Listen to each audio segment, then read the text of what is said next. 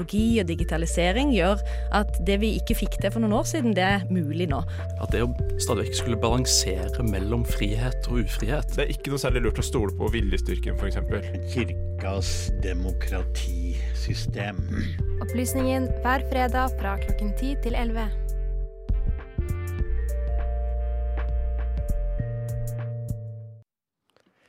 I 2015 kom det nasjonalkonservative partiet Lov og orden til makten i Polen. Partiet har tette bånd til den katolske kirke og har bl.a. stått bak en innskrenkning i abortloven, som allerede er blant de strengeste i Europa. Nå fortsetter den konservative vendingen i Polen, og partiet har stått bak en ny lov som forbyr voksne fra å snakke om sex med barn under den seksuelle lavalderen, som i Polen er på 15 år. Dette skal du få høre mer om i dette innslaget, laget av Trym Fjellheim Karlsen og Mathilde Ishalsen. Nå skal du høre ukas opplysning på Radio Nova. De siste årene har Polen drevet i en konservativ retning.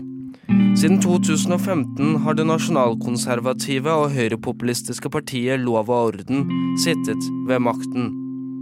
Ved valget sist søndag fikk de 43,6% av stemmene i det polske parlamentet kalt Seim.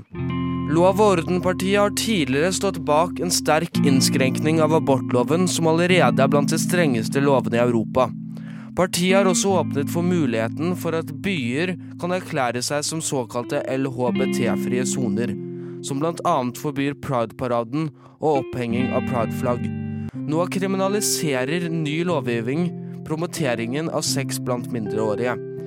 Denne loven vil forby å snakke om sex med personer under den seksuelle lavalderen, som i Polen er 15 år. Som en konsekvens av denne loven kan seksualundervisning og kampanjer om grensesetning forbys. Da loven ble vedtatt, hadde flere hundre demonstranter samlet seg utenfor det polske parlamentet. Lov og orden har sterke bånd til den katolske kirken, og motstandere av loven har argumentert for at vedtaket ble lagt fram for å skaffe sterkere støtte blant konservative polakker. Motstandere har også påpekt at loven på sikt kan føre til en økning av seksuelt overførbare sykdommer og uønskede graviditeter, dersom loven fører til et forbud av seksualundervisning.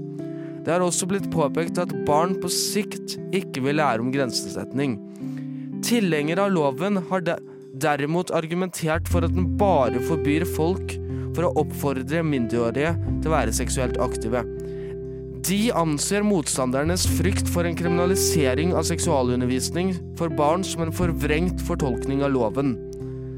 Valget sist søndag, der Lov og orden fikk 43,6% av stemmene, viser at den konservative dreiningen ikke nødvendigvis er fullendt i Polen. Derfor er det viktig å følge med på utviklingen videre. Likevel så øker bruken av straff. Det døde tre stykker uken etter at de hadde kommet inn der. Så det er ikke bare Donald Trump på en måte som er den ekstreme, rare skru skrullingen. Opplysningen hver fredag mellom klokken 10 og 11 på Radio Nova.